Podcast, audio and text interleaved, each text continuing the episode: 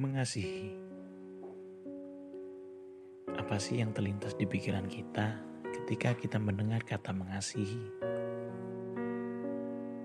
Banyak dari kita yang menjawab, mengasihi itu berbuat baik. Entah itu untuk teman, keluarga, teman kerja, untuk orang lain. Ya pokoknya berbuat baik kepada sama. That's true. Dan pertanyaan selanjutnya, mudah gak sih kita mengasihi? Pasti kita akan bilang, mengasihi itu mudah.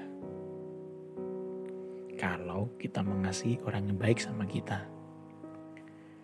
Tapi, kalau orang itu gak baik sama kita gimana? Dia pernah menyakiti kita, dia pernah mempermalukan kita, dia sudah bertindak semena-mena kepada kita, dan lain sebagainya. Pokoknya dia buat kita nggak nyaman. Masihkah kita bilang mengasihi itu mudah?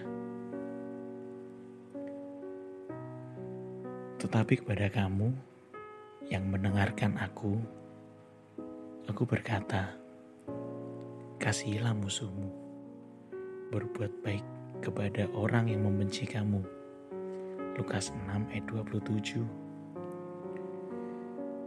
Jelas sekali kita harus tetap mengasihi dan berbuat baik kepada siapa pun, termasuk kepada mereka yang membenci kita atau kepada mereka yang tidak baik kepada kita.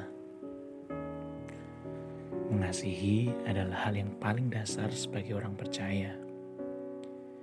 Kita harus bisa saling mengasihi Apakah sulit? Kalau kita dekat dengan Allah, maka kita akan bisa melakukan kasih itu kepada siapa pun. Karena Allah telah mengasihi kita juga, dan Allah adalah kasih. Mari mulai kita temukan kondisi kita. Apakah kita sudah bisa mengasihi orang lain, bahkan kepada mereka yang berlaku tidak baik kepada kita? atau kita hanya bisa mengasihi mereka yang baik sama kita. Kesimpulannya, kita harus belajar kepada teladan Kristus itu sendiri tentang mengasihi, karena Dia adalah kasih. Have a big heart, ya.